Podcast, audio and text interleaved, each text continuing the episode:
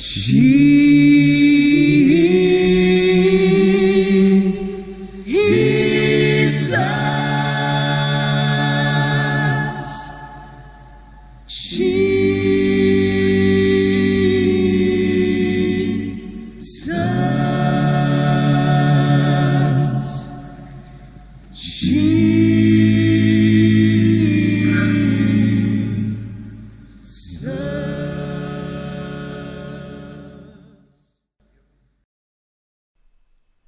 Välkommen till en spännande resa med Jesuspodden.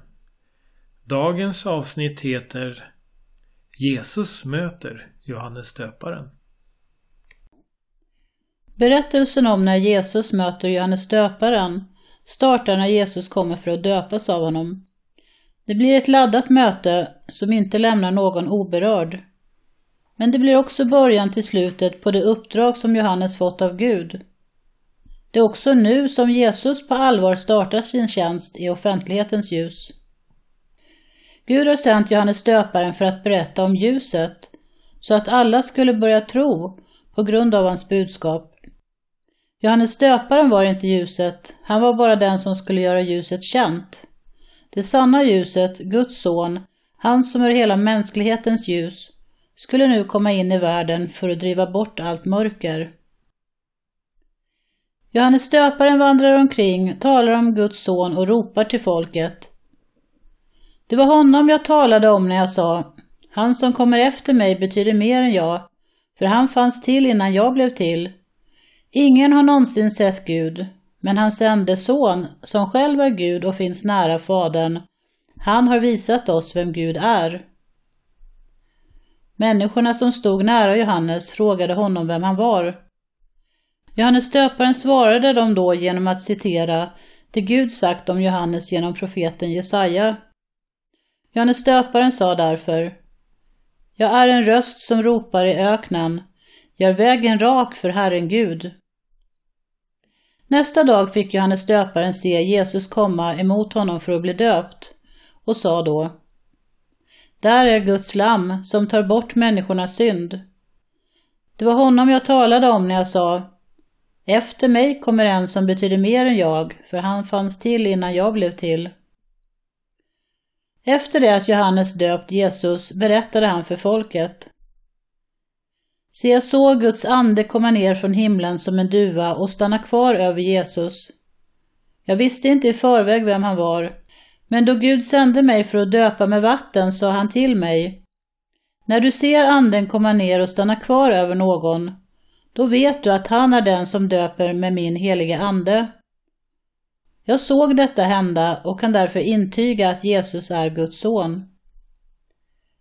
När Johannes döparen kallar Jesus för Guds lamm avslöjar han en stor hemlighet. I Gamla testamentet läser vi om en händelse som är en skuggbild av vad som ska hända med Jesus längre fram. Abraham ombeds av Gud att offra sin son Isak. I sista sekunden stoppar Gud dock offrandet och Abraham säger då Gud ska förse sig med lammet till brännoffer, min son. Detta blir en profetia om vad som ska ske när Gud själv offrar sin son på korset för att sona världens synder och istället erbjuda seger över döden och evigt liv. Den exakta titeln Guds lam får Jesus förutom i Uppenbarelseboken enbart av Johannes döparen. När han kallar Jesus för Guds lam visar Johannes döparen att han har förstått att i Jesus har Gud och offret för världens synder blivit ett. Som vi läser i Johannes 3 och 16. Gud älskade människorna så mycket att han gav dem sin enda son, för att de som tror på honom inte ska gå förlorade utan ha evigt liv. Frågan till dig som lyssnar idag är vad gör du med Johannes döparens ord om Jesus? Anser du att de är sanna eller falska? Tror du på offret för dina synder som Guds lam, Jesus, erbjuder dig? Om ja, kan du idag få börja ett helt nytt liv, fri och förlåten för de synder du begått. Skulle inte det kännas skönt? Så mycket älskar Gud dig personligen att han genom sin son Jesus byter plats med dig Den skuld som du genom synden är skyldig att betala tar Guds lam, Jesus, istället på sig. Allt du behöver göra är att acceptera och säga ja till Guds erbjudande om frälsning. Vill du det? Jesus.